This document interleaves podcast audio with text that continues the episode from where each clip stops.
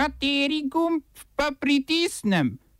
Tisti, na katerem piše OF.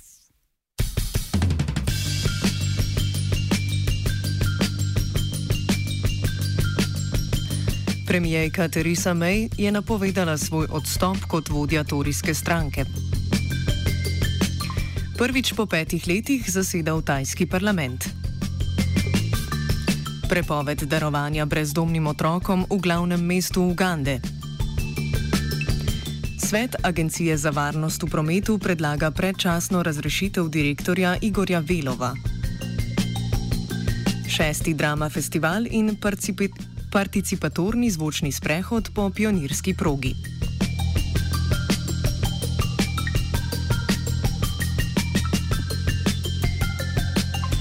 Premijejka Velike Britanije Theresa May je napovedala svoj odstop z funkcije vodje vladajoče konzervativne stranke Toricev, ki se bo pravno formalno zgodil 7. junija letos.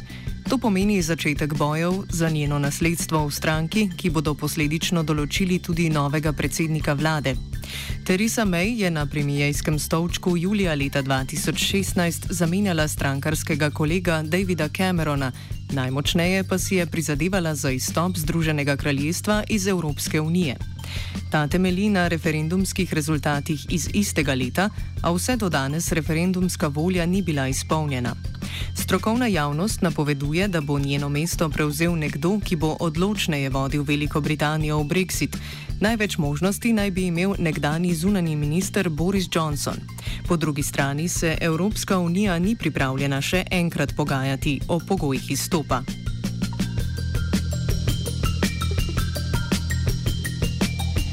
Velika Britanija se ob napovedi odstopa premijejke srečuje tudi s povolilnimi težavami.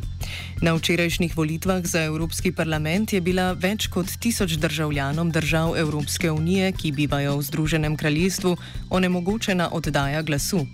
Britanska vlada je namreč zaradi odlašanja pri izstopu iz Unije šele 7. maja razglasila, da bo sodelovala na evropskih volitvah. To pa je bil tudi zadnji dan za oddajo obrazca, ki državljanom Evropske unije omogoča glasovanje v tujini. Poleg zelo kratkega roka za oddajo obrazca se številni prebivalci Velike Britanije pritožujejo, da obrazca sploh niso prejeli ali pa da ga lokalne oblasti niso pravočasno obravnavale. Skupina The 3 Million, ki zagovarja pravice državljanov Evropske unije v Veliki Britaniji, je napovedala preiskavo postopkov.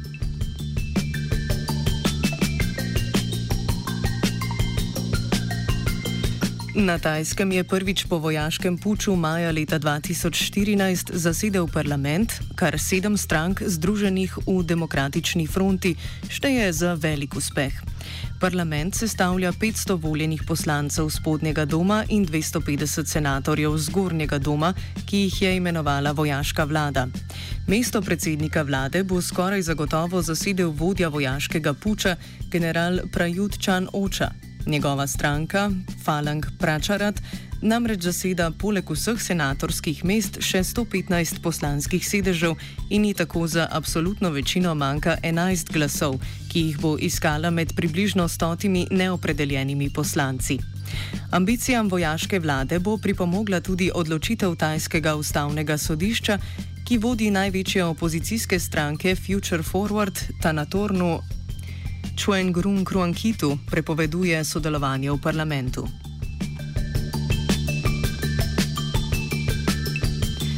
Na Tajvanu pa danes poteka slavje LGBT skupnosti. Potem, ko se je zjutraj poročil prvi istospolni par na azijskem kontinentu, jim je sledilo še več kot 160 porok. Zakoni, ki dovoljujejo poroke istospolnih partnerjev, so bili sprejeti pred slabim tednom, kljub temu, da je kar 70 odstotkov voljivcev na lanskem referendumu zavrnilo istospolne poroke. Maurične zastave vihrajo tudi širom Brazilije, kjer je vrhovno sodišče kriminaliziralo homofobijo in transfobijo. Kazen za diskriminacijo na podlagi spola in spolnosti bo enaka kot kazen za rasistično diskriminacijo, dokler kongres ne bo vzpostavil posebnega zakona. Pripadniki LGBT skupnosti v Braziliji se kljub veselju bojijo odgovora predsednika Žaira Bolsonara na odločitev sodišča, saj sam sebe označuje za homofoba.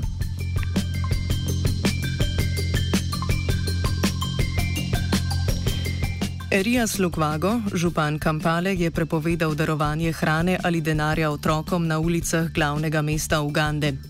Poleg neposredne pomoči mladoletnim brezdomcem je prepovedano tudi oddajanje stanovanj za otroško prostitucijo in trgovanje z ljudmi, kaznovani pa bodo tudi starši in skrbniki otrok, ki prosijo na ulicah. Vsak tak prekršek bo kaznovan s polletno zaporno kaznijo ali plačilom kazni v vrednosti skoraj 10 evrov.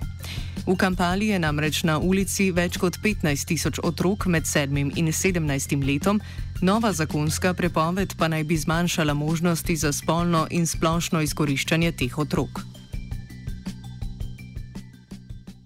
Oba, če, če bom odgovoril na angliški.